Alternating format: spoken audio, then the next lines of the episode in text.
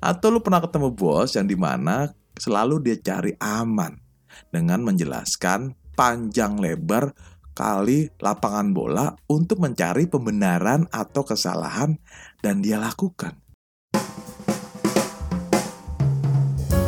Hai semuanya, selamat datang di channel podcast Manusia Pembelajar. Nah, podcast ini menyajikan pembelajaran dan investasi nilai-nilai kehidupan yang bermakna. Yuk kita dengerin.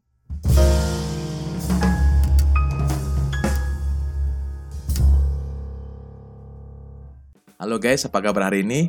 Nah, lu pernah ketemu dengan pemimpin publik atau bos lu yang di mana kalau lagi ngobrol-ngobrol nih, atau lagi meeting sama bos lu, selalu dia tuh ngomongin diri sendiri nih guys. Terus kalau selalu dia tuh membanggakan akan diri sendiri dan juga nggak pernah dikasih kesempatan anak buahnya yang ngomong boro-boro kalau dia memuji anak buahnya guys. Jadi yang muji adalah ya dirinya dia sendiri guys. Nah, nah atau lu pernah juga ketemu bos yang di mana pelit banget atas ilmunya guys. Jadi kalau anak buahnya nih nanya dengan masalah yang ada, belum tentu dia jawab nih guys. Apalagi bos itu takut kalau bahwa anak buahnya pinter Nah, nanti kalah saing deh. Atau lu pernah ketemu bos yang di mana selalu dia cari aman dengan menjelaskan panjang lebar kali lapangan bola untuk mencari pembenaran atau kesalahan dan dia lakukan. Jadi anak buahnya tuh iya-iya aja saja lah.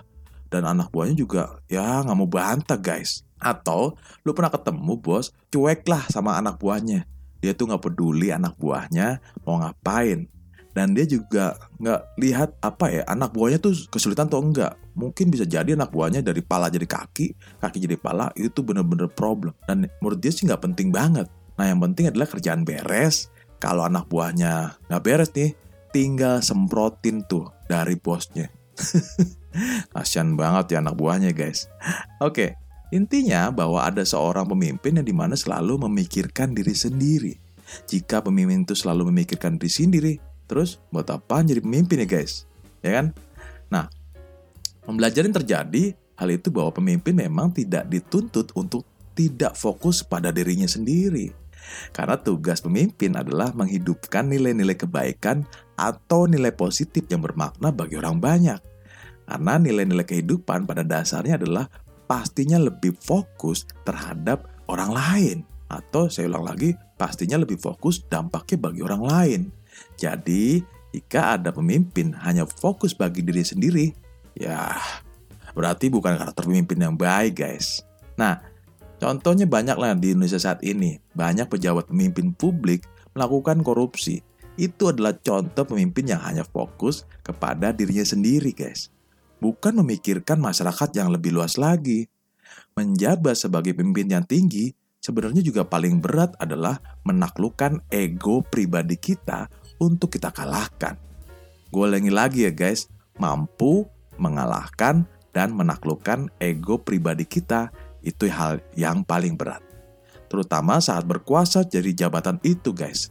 Ditambah lagi orang-orang sekitar kita yang selalu menghebat-hebatkan orang tersebut atau suka memuji-muji pemimpin tersebut, guys. Itu tantangan terbesar untuk menyuburkan ego pribadi kita. Nah, pertanyaan renungan buat lu dan gue juga nih, guys. Jika kita ingin jadi pemimpin, apakah lu bisa menekan ego pribadi lo? Namun, lebih fokus dengan kepentingan orang yang lebih luas, guys. Kira-kira lu siap gak nih? Nah, silahkan dijawab ya guys. Demikian renungan buat lu dan gue pada hari ini. Semoga bermanfaat. Salam Growth Mindset Indonesia. Leadership is fun.